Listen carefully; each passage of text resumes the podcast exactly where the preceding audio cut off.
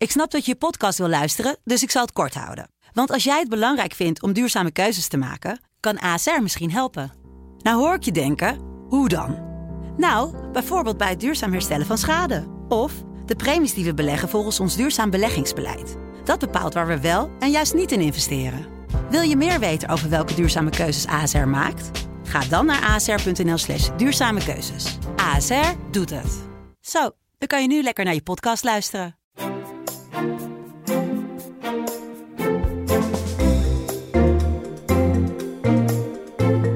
De DFT Podcast met Herman Stam en Martin Visser. Ja, Martin, uh, welkom in een week waar, die vooral in het teken stond van de WW-export, waar we straks uitgebreid over gaan praten.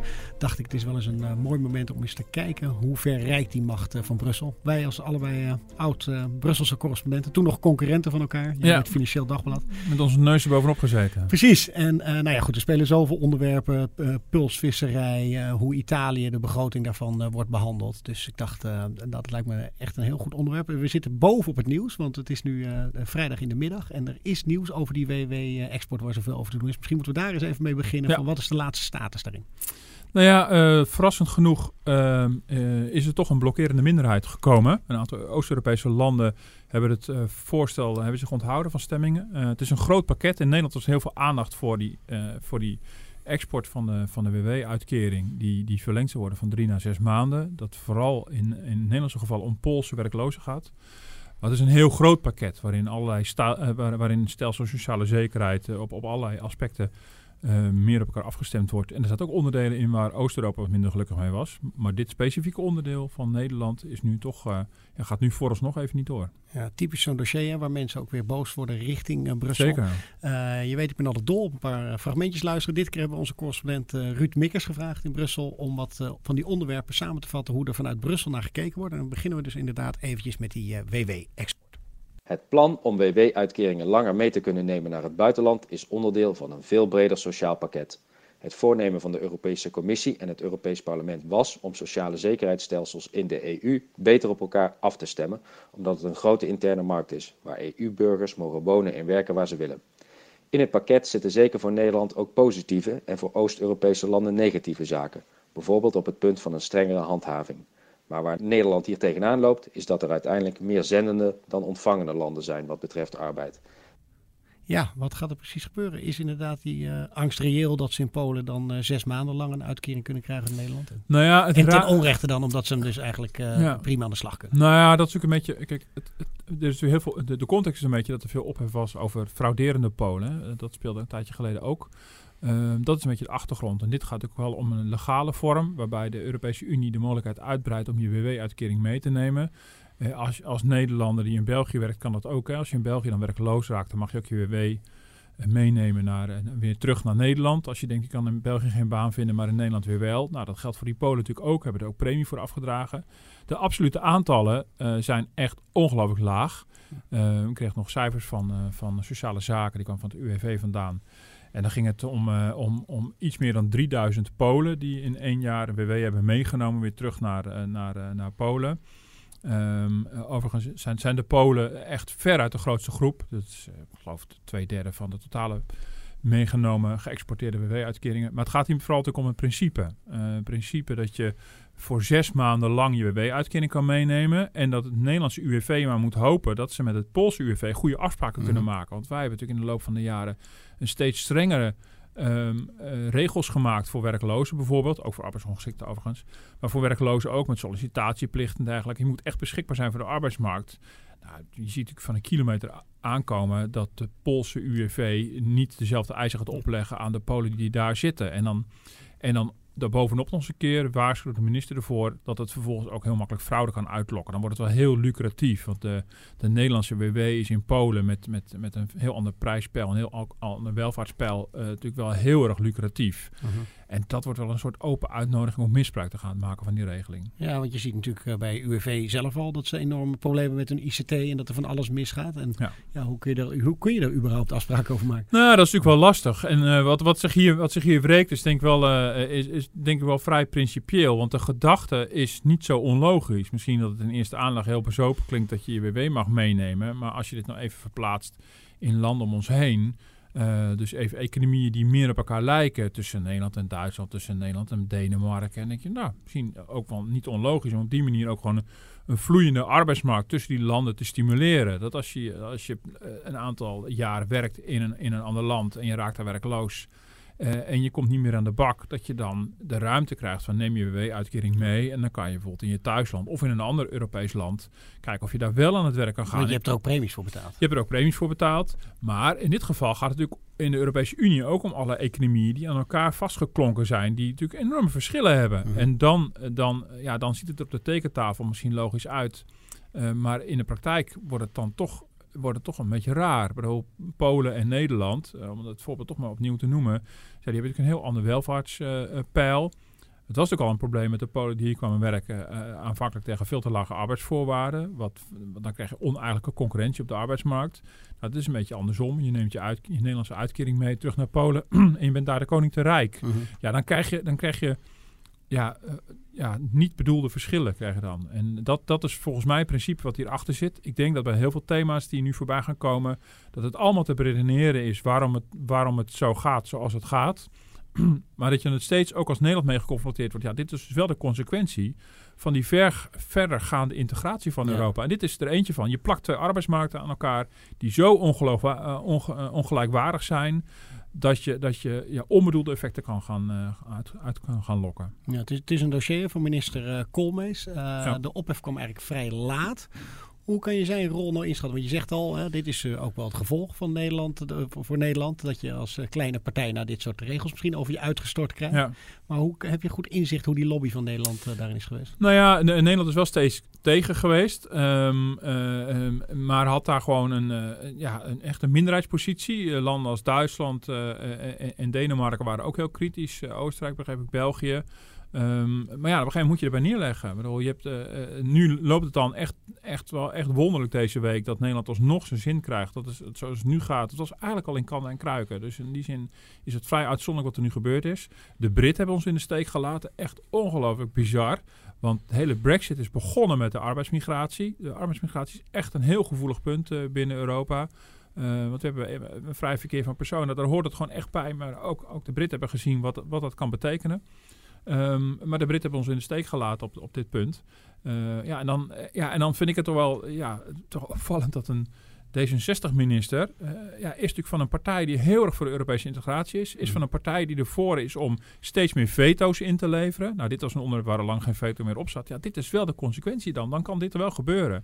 En dat zou je op allerlei andere terreinen zou je dat ook wel eens hebben. Dat je gewoon, ja, dat je gewoon uh, niet voor elkaar krijgt wat, je, wat je wil. En uh, ja, dat is wel de gevolg van, van dit Europees project. Speelt nou de, de, de, verkiezingen, de Europese verkiezingen die eind mei zijn, speelt dat ook nog een rol? Omdat ze weten van nou deze ophef kunnen we misschien eigenlijk wel beter ja. niet hebben. Ongetwijfeld, ongetwijfeld. En, um, want, uh, want ja, het verzet in de Tweede Kamer en ook bij de Nederlandse Europarlementariërs was echt wel heel breed. Gewoon echt vol, voltallig, zeg maar. Mm -hmm. uh, dat is wel vrij uitzonderlijk. Ik bedoel, eh, ik heb niet, niet, niet vaak onderwerpen gezien, Europese onderwerpen, waar de, de Tweede Kamer in zijn geheel zo kritisch uh, op was. Inclusief een zeer eurogezinde partij als GroenLinks en D66. Dus dat, dat speelt ongetwijfeld een rol. Dat speelt natuurlijk zeker het euroskepsis in de kaart. Ik zei al, het gaat om 3000 Polen. Om aantallen gaat het eigenlijk over niks. Mm. Koolmees schat in dat het uh, maximaal 30 miljoen zou gaan kosten. dat klinkt heel veel, maar de totale WW kost 3,6 miljard. Dus... Dus, dus ja, feitelijk gaat het over niks, maar principieel gaat het over heel veel. Uh, en ik denk dat het ook deels de, de, de reactie van de Nederlanders uh, verklaart. Denk je, denk je dat, het, dat je dat nu vaker gaat zien? Uh, we zitten ook midden in een brexit-stemming. Geen idee hoe het nu de komende uren gaat. Maar mochten die Britten dus uit de EU stappen, dat Nederland vaker daarin alleen staat. Vaak trokken ze op ja. met de Britten. Ja, nou, dat, dat zeker. Nou, in dit geval waren de Duitsers dan ook tegen. Maar zeker, de, de, de, ook om politieke redenen is het voor Nederland echt heel treurig dat de Britten eruit willen. de, de Britten waren af en toe een enorme pain in the ass op, op, op allerlei terreinen. Omdat ze allerlei uitzonderingen voor zichzelf wilden. Maar Nederland kon ook vaak met de Britten optrekken. Omdat de Britten zeker niet automatisch tekenen bij het kruisje. Uh, zeker niet automatisch voor verdere integratie van Europa zijn. En soms ook heel pragmatisch dan wel opportunistisch naar, naar thema's kijken, keken. moet ik eigenlijk zeggen. ja, in Nederland, voor Nederland wordt het lastiger. Daar, om die reden heeft natuurlijk ook Nederland onder leiding van de minister Hoekstra zo'n Hanse-liga opgetuigd. Met vooral allerlei kleine lidstaten proberen samen op te trekken. Maar dat zal nog verrekte lastig zijn. Want we zien wel als Duitsland en Frankrijk helemaal ergens voor zijn. Dat was al zo. Dan heeft, heeft het echt een, een stevige kracht en macht binnen Brussel. Dat wordt, dat wordt nog vele malen sterker. Ja, ik vroeg het je volgens mij al eerder. Ik hoop dan ook op dat dossiers, bijvoorbeeld zoals de AOW, dat er ook een soort uh, nou ja, doorbetaling uh, geldt. Wij of, ik heb tenminste een behoorlijk gat als je in België een tijdje hebt gewerkt. Maar dat soort, dat soort plannen voorzie je niet. Eh. Nee, kijk, rondom pensioen en AOW ligt het toch echt wel veel gevoeliger. Uh, dus dit zijn werknemersverzekeringen. Um, daarvan de regelingen zijn nog steeds nationaal overigens, maar zijn de stelsels worden op elkaar afgestemd. Dat is weer wat anders inderdaad, dat je AOW-rechten kan meenemen. Dat ligt echt nog veel gevoeliger. Dat is ook, ook weer in alle landen heel anders georganiseerd. En daar zit ook niet de argumentatie misschien achter van, van een soepele arbeidsmarkt. Al zou je kunnen zeggen van ja, het is wel drempelverhogend. Als je in Nederland uh, uh, gewoon blijft wonen, dan, dan blijf je je rechten AOW opbouwen. Zodra je een aantal jaren in een ander land gaat wonen en volgens die sociale zekerheidsrechten gaat werken, dan raak je voor die jaren uh, die rechten kwijt. Heb je een AOW-gat. Dus om die reden zou je eventueel ook kunnen zeggen dat de AOW misschien ook een bijdrage kan leveren als je het uniformeert voor de, voor de arbeidsmarkt. Maar ik denk dat het een brug, een brug te ver is. Mhm. Eh, Nederlanders in, in, een ander Europees land willen graag die AOW-rechten, maar dan krijg je het vice versa natuurlijk ook.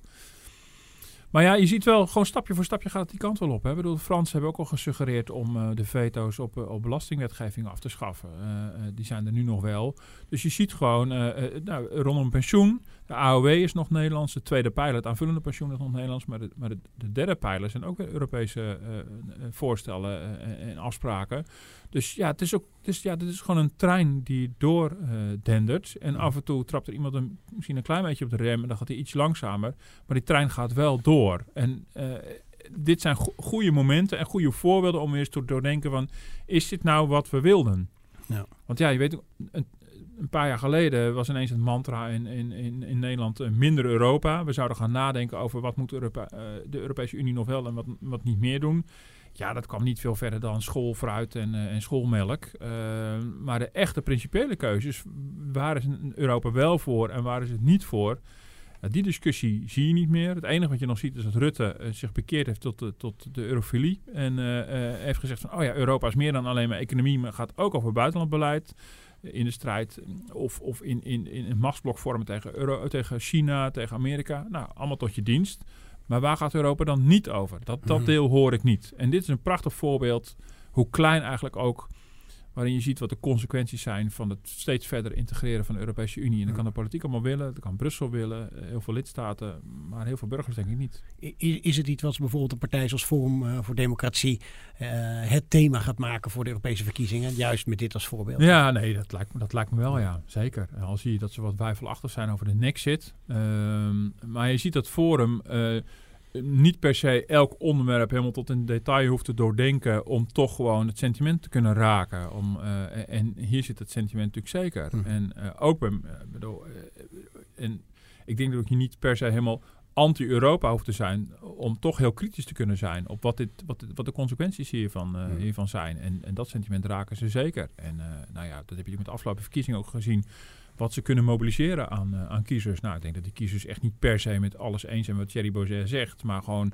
zijn, zijn, zijn kritische houding en soms anti-houding op een aantal van zulke thema's speelt er zeker een rol in. Ja. In de categorie uh, wat kleiner bier. Uh, je hebt ook weer de zomertijd hè, die dit weekend de, staat te gebeuren. Gaat een uur, de klok gaat een uur vooruit als ik me niet vergis. Ja. Maar ook daar heeft Europa zich tegenaan bemoeid. Hè? Want het Europees Parlement vindt eigenlijk dat er helemaal geen zomer- en wintertijd meer moet zijn. Nee. nou, laten we eerst even praktisch. Hoe sta jij in die discussie? Ja, ik, eh, ja nee, ik vind dat het gewoon, eh, wat mij betreft kan het gewoon blijven, die zomer- en wintertijd. Maar goed, het is allemaal heel particulier. Maar, het uh, schijnt slecht voor je gezondheid te zijn, toch? Dat wisten we. Ja. ja, maar ja, op, bij, de, bij de tijd, op de zomertijd en op de wintertijd, is ook weer het nodige af te, af te dingen. En ik zie het eerlijk gezegd het probleem niet zo heel erg. Uh, de argumentatie die er ooit was vanwege energiebesparing, die, die, die, die, die vliegen schijnt niet helemaal meer op te gaan. Maar goed, de lidstaten komen er niet uit. Dus het parlement vindt er nu wat van, maar de, maar de lidstaten zijn er niet over uit. Het lijkt me in ieder geval wel wenselijk, en dat zie je ook, die teneur was er, dat Nederland wel aangesloten blijft bij Duitsland. Het zou een soort vrije kwestie worden. En toen heeft de Europese Commissie toch weer op de lange baan geschoven. Um, maar ja, um, er was een heel aardig item van, uh, van, uh, van, uh, van Zondag met Lubach al een tijdje geleden. Altijd wel even terugkijken waard wat ook zat te redeneren van het maakt heel erg uit of we voor de winter of de zomertijd uh, gaan kiezen. Want ja, als je dan met Duitsland meegaat en Duitsland gaat weer met zijn oosterburen mee. En voor je het weet heb je een soort Russische tijd. Uh, En die past eigenlijk helemaal niet meer bij, bij, uh, bij, bij het deel van, van de wereldbol waar wij op zitten. Mm -hmm. Ja, ik, ja, mensen zullen er heel opgewonden van raken. Maar ik van laat het allemaal ja. gewoon zo. Ja. Vind je dat een beetje soms koddig wordt neer? Ik weet nog uit mijn tijd dat ik correspondent was in Brussel. Er was een hele discussie over olijfolie in oh, ja. restaurants. Want dat mocht dan niet meer in flesjes zitten. Want dan, hadden, dan werd het vermengd met andere olijfolie. Was de kwaliteit minder goed. Vonden Zuid-Europese landen natuurlijk geen goed idee. Nee. Uh, vind je dat dat soms een beetje te koddig, dat daar te veel aandacht voor is? De, de, de kromme bananen. Die, en. Uh, nou ja, het is, het is wel lastig. Want... Um, Um, soms wel ja, want dan is je eerste reflex van waar slaat het op? Mm -hmm. En heel vaak, uh, van de olijfolie weet ik dat eerlijk gezegd niet meer, maar heel vaak blijkt dan dat er natuurlijk wel degelijk een gedachte achter zit die helemaal niet zo heel erg raar is. Wat natuurlijk een poging is, is het, dat is bedoel ik ook met die voordenderende trein. Je begint, je begint het, meestal is het het gevolg van de interne markt. Je begint met een interne markt en dat betekent dus dat je de de, de, de voorwaarden voor die markt in al die landen uh, zoveel mogelijk gelijk wil trekken. Want dan heb je ook gewoon een soepele handel.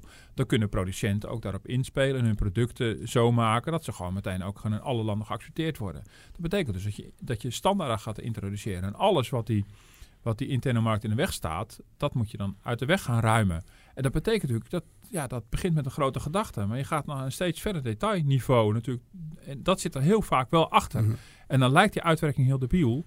Maar uh, ja, mijn gedachte is altijd, ja, uh, of het nou Brussel is die bepaalt hoe krom de bananen mogen zijn, of Den Haag, ja, dat maakt uiteindelijk een beleidsmaker gaat dat bepalen. Uh, dus alleen als Brussel het doet, vinden we het meteen heel bezopen. Uh, en dan heb je, ja, maar bemoeit, alsof Brussel alleen over de grote lijnen zou mogen gaan. Ja, ja, ja helaas, inmiddels, uh, bij een interne markt hoort allerlei regelgeving die over alle details gaat. En dan voelt het misschien raar dat dan al die lidstaten gaan beslissen met elkaar over onze bananen. Maar dat is wel een logische consequentie. Ja. Net zo goed als natuurlijk uh, onze spoorwegen zelfstandig zijn, omdat vanuit Europa in gezamenlijkheid ooit bedacht is, we moeten gewoon allerlei markten gaan liberaliseren. De postmarkt, de, de, uh, en nadat de spoor en de post, post en dergelijke aan de beurt zijn geweest, was de volgende stap bijvoorbeeld om naar de gezondheidszorg te gaan. Uh, ja. Dan heb je al die gevallen gehad, er werd een tijd geleden over mensen die een bril kochten in Luxemburg, of die nou wel of niet vergoed zou worden. En je ziet dus het ene geval lokt het volgende geval uit. En ja. uh, dat is op zich niet per se erg, maar ik heb sterk het gevoel dat als we weer een stap zetten, dat niet op, van tevoren wordt doordacht wat alle logische vervolgstappen zijn. En dan krijgen we dus een Europese Commissie die zich bemoeit met olijfolie en de kromme bananen. Ja. En dat heeft altijd ergens een logische gedachte. Maar niemand voorziet van tevoren hoe ver het dan gaat. Ja, wat natuurlijk ook een belangrijk onderdeel is, hè, is het lobbywerk erachter. Uh, nou ja, bijvoorbeeld bij die olijfolie, dan zag je heel erg die Zuid-Europese landen daar druk op zetten. Ja. Uh, ik probeer een mooi bruggetje te maken naar uh, Ruud wederom, want die hebben we niet voor niks ingehuurd. Die, wil, of die gaat iets zeggen over de pulsvisserij, ja. ook zo'n gevoelig dossier. Pulsvisserij is een dossier waar Nederland eigenlijk keihard heeft gefaald. Vaak wordt gedaan alsof het alleen de Fransen zijn die Nederland hier een loer hebben gedraaid met een harde lobby. Maar feit is dat er nul steun is. Ook niet van traditionele partners in West-Europa. Sterker nog, Britse en Belgische vissers kunnen het bloed van hun Nederlandse collega's wel drinken. Wat hier is misgegaan is dat Nederland zelf de regels maximaal heeft opgerekt door onder het mom van wetenschappelijk onderzoek pulsvergunningen te verlenen. Dat heeft gewoon ontzettend veel kwaad bloed gezet. Ja, ik weet dat je niet een uh, pulsvisser-expert bent, maar uh, ik ben wel heel benieuwd naar jouw mening op uh, dit dossier. Heeft Nederland inderdaad zelf te veel qua bloed gezet? Nou ja, Nederland heeft gegokt en, en verloren, denk ik. ze hebben erop gegokt dat, dat, dat de innovatie waar wij zo trots op waren, dat pulsvissen met elektrische schokjes opvissen van, van allerlei soorten vis, ja, dat dat, dat, dat zo overtuigend voordelen zou hebben, dat dat wel de standaard zou gaan worden. En dus wat je zag is dat Nederland in de loop van de jaren in het begin een aantal vergunningen kreeg om dat te gaan uitproberen. En steeds nieuwe vergunningen aanvroeg onder de mom van, precies wat Ruud ook zegt, wetenschappelijk onderzoek.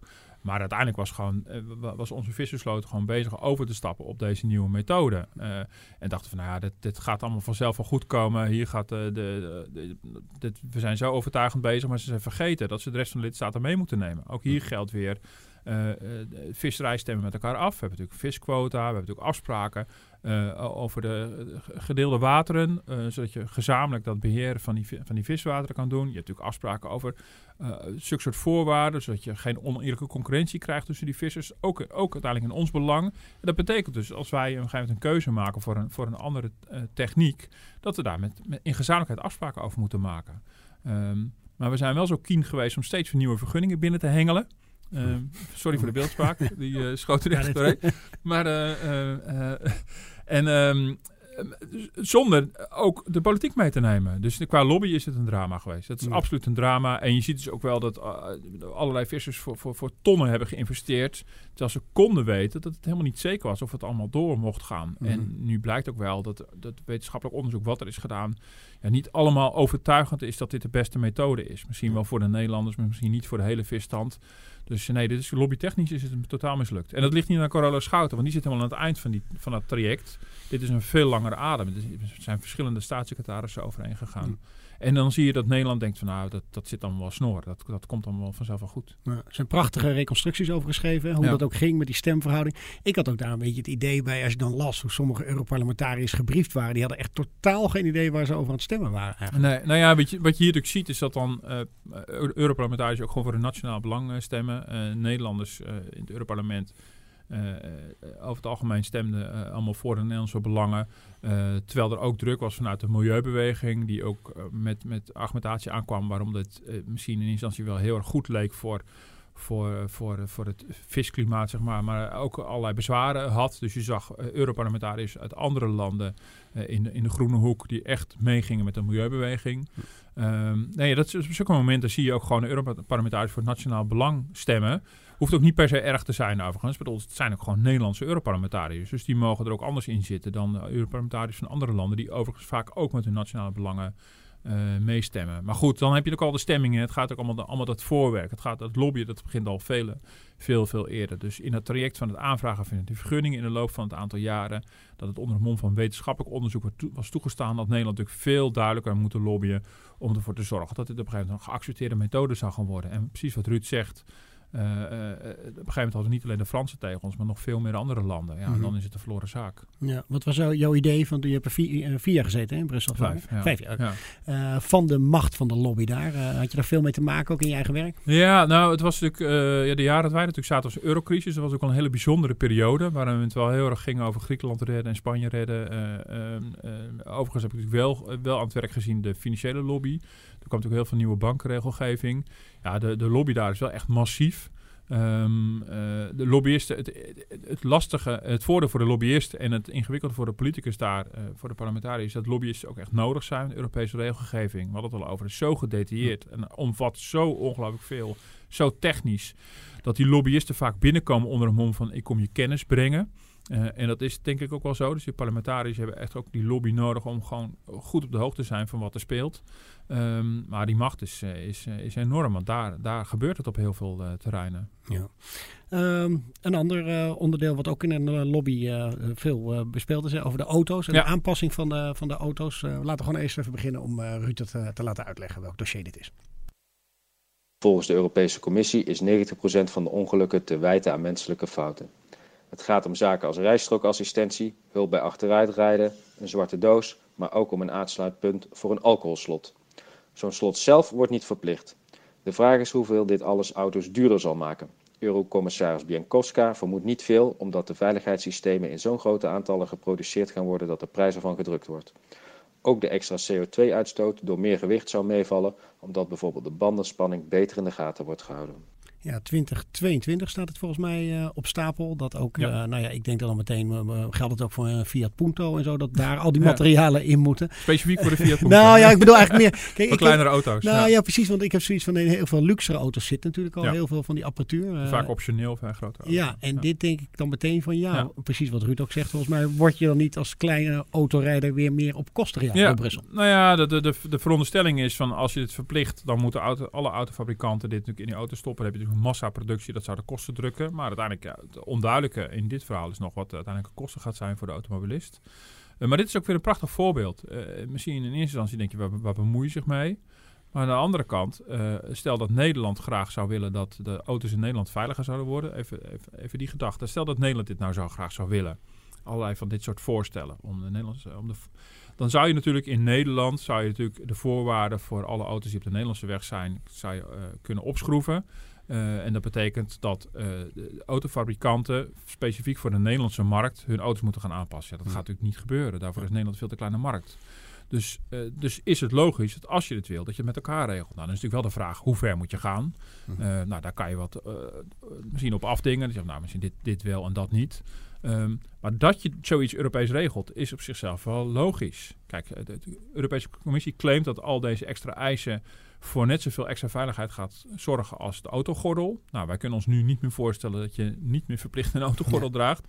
Ja, ik, kan niet, ik kan niet bewijzen of dat zo is, maar dat lijkt me een soort criterium van uh, schieten ze door, kan er ook wel een beetje vanaf, of is het inderdaad gewoon aantoonbaar uh, dat dit voor heel veel, heel veel veiligheid uh, zorgt. En als lidstaten dit willen, moet je dit in gezamenlijkheid regelen. Want per land, dat zou natuurlijk een drama worden. Dan mag je misschien de zuidenburen niet uh, binnenrijden, België binnenrijden, omdat die een andere eis hebben voor wel, of, wel of niet een zwarte doos in je auto. Dat, is ook, dat is ook geen, geen doen. Nee. Maar ja, dan krijg je dus wel gehakketak op Europees niveau in Brussel tussen 28 lidstaten over Mm-hmm. Zwarte doos wel of niet, uh, alcoholslot wel of niet. Ja, dat is, dat is het Europa waarin we leven. Ja.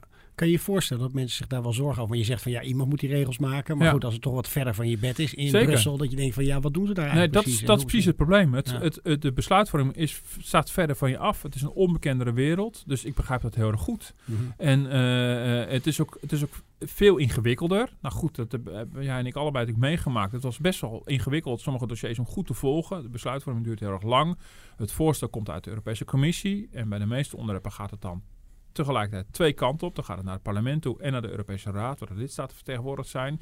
Die moeten het allebei wat van vinden. En dan komt het allemaal weer bij elkaar. Uh, met z'n drieën, commissie, lidstaat en parlement. En die moeten met, uiteindelijk met z'n drieën een deal sluiten. Nou, daar gaat heel veel tijd overheen. Al die tussenstappen. Mm. Dat, is voor, dat is voor heel veel mensen natuurlijk heel moeilijk te volgen. Ja. Terwijl de Nederlandse Tweede Kamer voelt als iets van ons. Voor heel veel mensen ook steeds minder overigens. Maar, nou, maar, daar kunnen we ons nog enigszins herkennen. Hier herkennen we ons helemaal niet in. Dan heb je het Europees Parlement met honderden parlementariërs. Mm -hmm. Dus per definitie staat die besluitvorming heel ver van je af. En ja, heb je toch snel het gevoel van waar bemoeien ze zich mee? Ja, je hebt een boek geschreven over de, over de euro. Ja. Uh, als ik jou nou gewoon een vrijbrief geef van waar, waar moet Europa volgens jou voor staan en wat moeten ze precies doen? Ja. Als je dat zo invullen. Um, nou, ik denk wel dat de, de laatste tijd heeft aangetoond dat het wel ook precies wat Mark Rutte natuurlijk ook zegt, wel heel duidelijk is dat, dat Europa zich moet realiseren dat ze echt een machtsblok moeten proberen te vormen. Dus in de handelspolitiek. Formeel gaat het ook over buitenlandse handel. Maar dat, dat, dat, dat bewustzijn, dat mag echt wel wat, wat sterker. Ik denk op het economische terrein. Maar ik denk dat je het economische terrein op een manier zal moeten afbakenen. En, en toch echt wat duidelijker maken waar, waar de grens zit. Omdat je natuurlijk, nou, wat we eerder over hadden, je ziet dus dat het economische terrein wordt steeds groter en groter en groter. En je ziet dat, dat zodra. Ik denk dat, dat, dat de, de, de steun voor zulke maatregelen als in de auto-industrie, dat dat nog wel te, duidelijk te maken is. Maar de WW is natuurlijk zo'n prachtig voorbeeld. Ja, als, als het onze sociale zekerheid binnenkomt, nou laat staan onze pensioenen of onze gezondheidszorg. Ja, er moet een hele duidelijke streep worden getrokken. Maar die, die, die, die scheidslijn wordt steeds diffuser en diffuser. De belasting mm. is ook nog steeds een veto-ding. Maar je ziet, het, wordt, het, moet, het is steeds moeilijker te verdedigen. En ik denk wel dat je echt naast die buitenlandse politiek, de buitenlandse handel, uh, uh, economie uh, van belang is. Maar, en, en, dan moet het wel ergens ophouden. Mm -hmm. En je zegt, hè, die belasting, uh, daar uh, hebben we nog een veto. Hè. Daar kunnen we nog wel ja. uh, een mooi haakje richting Nederland belastingparadijs. Want het Europees Parlement denkt dat we dat zijn. Ook daar, vertel, dit is het laatste fragment van Rutte waar hij ook eens over vertelt hoe dat gaat in ja. Brussel. Volgens het Europees Parlement is Nederland een belastingparadijs. Een motie daartoe van PvdA-europarlementariër Paul Tang kreeg daarvoor deze week voldoende steun. Volgens Tang hoort Nederland op een EU-lijst van landen die te weinig doen om belastingontwijking tegen te gaan, evenals Luxemburg, Cyprus, Malta en Ierland. Maar op die lijst van de EU staan alleen landen van buiten de EU. In feite is het een stunt van het parlement om Nederland en anderen te dwingen de koers om te gooien. Nederland staat er in Brussel niet best op vanwege zogeheten rulings, afspraken met multinationals. In het verleden kreeg het daarvoor al tikken op de vingers vanwege afspraken met Starbucks en IKEA. Ja, ik zag op Twitter al wat dingetjes langskomen richting uh, Paul Tang, P Ja. van de Aarde. Dat Ja. het een soort landverrader is. Want hij zit eigenlijk ons eigen land daar een beetje te kakken zetten. in, Ja, eh, in nee, Brussel. dat, ja, dat is natuurlijk wel heel, eh, heel saillant eh, hieraan. Eh, Paul Tang zit namens het Europees Parlement op dit thema. Eh, dus niet zijn eigen hobby, maar binnen zo'n groot parlement worden ook gewoon grote thema's eh, uitbesteed, zeg maar. Die worden toebedeeld aan, aan een soort van portefeuillehouder. Ehm, ja, en heeft het, het, is het is misschien een stunt aan de ene kant, maar tegelijkertijd is het wel gewoon een politiek feit dat een meerderheid van het Europees Parlement een land als Nederland als belastingparadijs eh, ziet. En ehm, nou vraag ik me wel af of het naast politieke betekenis ook nog eh, een echte materiële betekenis heeft. Want eh, ja, de, de, de, de belastingbeleid wordt. ehm is belastingontwijking en belastingontduiking wordt alweer op een ander niveau gecoördineerd. De OESO speelt er een belangrijke rol in. Er zitten veel meer landen in, ook buiten eh, de Europese Unie. Ehm, eh, die, die lijstjes zijn vaak leidend. Maar ja, het, geeft wel te denken. En het geeft, het geeft Nederland toch ook wel weer een reden om echt snel werk te gaan maken van, ehm, van het wijzigen van het belastingregime. wat ook het Nederlands kabinet ook heeft voorgenomen in het regeerakkoord om te gaan doen. Eh, om eh, ja, toch minder een toevluchthaven te zijn voor allerlei brievenbusmaatschappijen. die toch, eh, ja, toch ja, ook, wel, ook wel de belastingmoraal in Nederland wel ondermijnen. En ook in het buitenland heel veel kwaad, eh, kwaad bloed zetten. Ja, maar in een land zoals Ierland zullen ze bijvoorbeeld zeggen van... joh, eh, dat is hartstikke gunstig voor ons. eh, Ja. eh, Bemoei je er even lekker niet mee. Europese Nee, Unie. ja, nee, dus in die zin is, bedoel, is het, zie ik dit, deze uitspraak van het parlement dus als meer als een politiek statement dan dat ze het echt over gaan. Eh, kijk, Ierland heeft wel mee te maken dat als hier afspraken over worden gemaakt eh, op, op, eh, op EU-niveau en op OESO-niveau, dat op een gegeven moment ook een land als Ierland eh, wel, eh, wel, eh, daar wel op moet, moet bewegen. Mhm. Maar het is, een heel, het is licht een heel gevoelig thema, want tegelijkertijd hebben we ook afgesproken dat landen met elkaar mogen concurreren met een gu- gunstig belastingklimaat. Maar dat er zitten wel grenzen aan. We hebben natuurlijk eerder al gehad dat het hele zwartspaardossier is natuurlijk ook wel echt aangepakt. eh, waarbij Luxemburg en, en België in het waren. Zwitserland ook, niet EU-land Mhm. eh, overigens. Dus het ligt eh, echt sinds de financiële crisis zie je dat het groot is opgepakt. Nederland heeft ook een poosje op een Amerikaanse lijst van belastingparadijzen gestaan. En toen hebben we heel hard diplomatiek gelobbyd om ons heel snel van die lijst af te krijgen. Mhm. Dat was binnen een paar uur gefixt, maar we stonden er wel eventjes op. Dus het geeft wel weer aan hoe, hoe het buitenland tegen ons aankijkt. Ja, en eh, ja, het is een beetje raar. Het voelt een beetje raar dat een Nederlandse Euro Europarlementariër dit doet. Maar uiteindelijk is het een parlementsuitspraak. En het zegt wel weer iets over hoe andere landen tegen ons aankijken. En dat geeft wel te denken. Ja. Nou weet ik hè, dat jij op een ander vlak, dit, dit is, gaat veel over bemoeizucht van Brussel. En juist waarvan jij volgens mij, ik wil je niet de woorden in de mond leggen, maar je Mhm. zegt nu had je moeten optreden, Italië. Ja. Eh, een zorgenkindje dat Ja. zijn begroting niet goed op orde heeft. Daar heb je gewoon netjes allemaal regels voor afgesproken en daar houden ze zich niet aan. En dan doen ze uiteindelijk niks. Nee, nee, dus dat is heel raar. Hè? Bedoel, dit gaat heel erg over regelgeving en dergelijke. Ja, wat, waar het gaat om Italië, eh, dat is echt wel een ander verhaal. Want dat is de eurozone. Met de, met de euro zijn we op een nog nauwere manier aan elkaar verbonden. We hebben munt aan elkaar vastgeklonken en verruild voor één gezamenlijke munt. We hebben gezamenlijk monetair beleid. Eh, ja, en daar hoort dan bij zo'n eh, economische monetaire unie hoort dan ook bij dat, dat er niet alleen monetair beleid is, maar dat ook het economische en begrotingsbeleid op elkaar afgestemd is. Er zijn ook afspraken over, er zijn regels voor. Eh, en die regels worden consequent geschonden. En eh, door Italië, eh, nou, dat is de nieuwe recordhouder, die wijkt het meest af van de, de afspraken over de begroting tot nu toe. Eh, die overtreft nog verre wat Frankrijk de afgelopen jaren heeft geflikt. Nederland is een roep in de woestijn geworden Mhm. om, om de commissie harder te laten optreden. Dat is echt eh, heel opmerkelijk. De commissie is officieel de handhaver van de Europese begrotingsregels. Klaas Knot zei het, de, van DNB zei het in de krant nog bij ons eh, van, van de week. De commissie is de hoeder van de Europese verdragen. Maar lijkt politieke motivatie belangrijker te vinden. Ook weer in aanloop naar de Europese verkiezingen willen ze niet te veel het anti-euro-sentiment eh, doen opspelen. Ja, dat is echt, echt, echt opmerkelijk. En dat Ja. heeft wat mij betreft niks met Brusselse bemoeizucht te maken. Dat zijn gewoon regels die ook noodzakelijk zijn. Omdat we ons zo aan elkaar vastgeklonken hebben met, met, met die euro. Denk je dat er ook nog iets mee te maken heeft dat ze nu iets milder voor Italië zijn? Omdat ze Italië heel erg nodig hebben op een ander gevoelig dossier, immigratie en eh, ja, de, de grensbewaking daar. Ja, er speelt ongetwijfeld ook een rol. Al moet ik wel zeggen, Griekenland hebben natuurlijk ook al wat nodig gehad voor- op datzelfde onderwerp. En ik had niet de indruk dat ze Griekenland daardoor eh, eh, met uh, fluwelen handschoentjes Hm. hebben aangepakt. Griekenland stond wel echt met de rug tegen de muur en zat heel lang natuurlijk in de situatie van eh, dat ze onze steun nodig hadden. Italië is dat anders. Dat speelt ongetwijfeld een rol. Eh, ik denk dat minstens zo belangrijk is dat ze toch wel heel bang zijn voor het, voor het anti-Europa sentiment. Wat, wat ook in Italië heel erg opspeelt. Een land wat overwegend heel erg Europa gezind is. Een van de founding fathers van de Europese Unie. Wat je ziet dat ook daar gewoon uh, het, het anti-Europa gevoel ook ja, echt ook vaste voet aan de grond krijgt. In deze ja, populistische regering van een, van een zeer linkse en een zeer rechtse partij, waar, ja, buiten de gevestigde orde, waar, Brussel dan moeilijk grepen kan krijgen. En dan doen ze het misschien wat voorzichtiger aan. Maar het is, het is voor de dat die regels nu ook na de crisis zo slecht worden gehandhaafd, geeft toch wel, geeft toch wel te denken. En ze zijn wel heel erg nodig, die regels. Ja. Ik was al een beetje bang voor. Als twee oud-Brusselse correspondenten met elkaar gaan praten, gaan we waarschijnlijk dik over de tijd. Ik wilde tot slot nog uh, wel iets aan je vragen. Ik denk dat mensen ook heel erg het beeld erbij hebben gekregen van... Het is een soort rijdende trein waar je niet meer van af ja. kan en alles. Het wordt alleen maar, ja, er komt alleen maar meer op ons af vanuit ja. Brussel.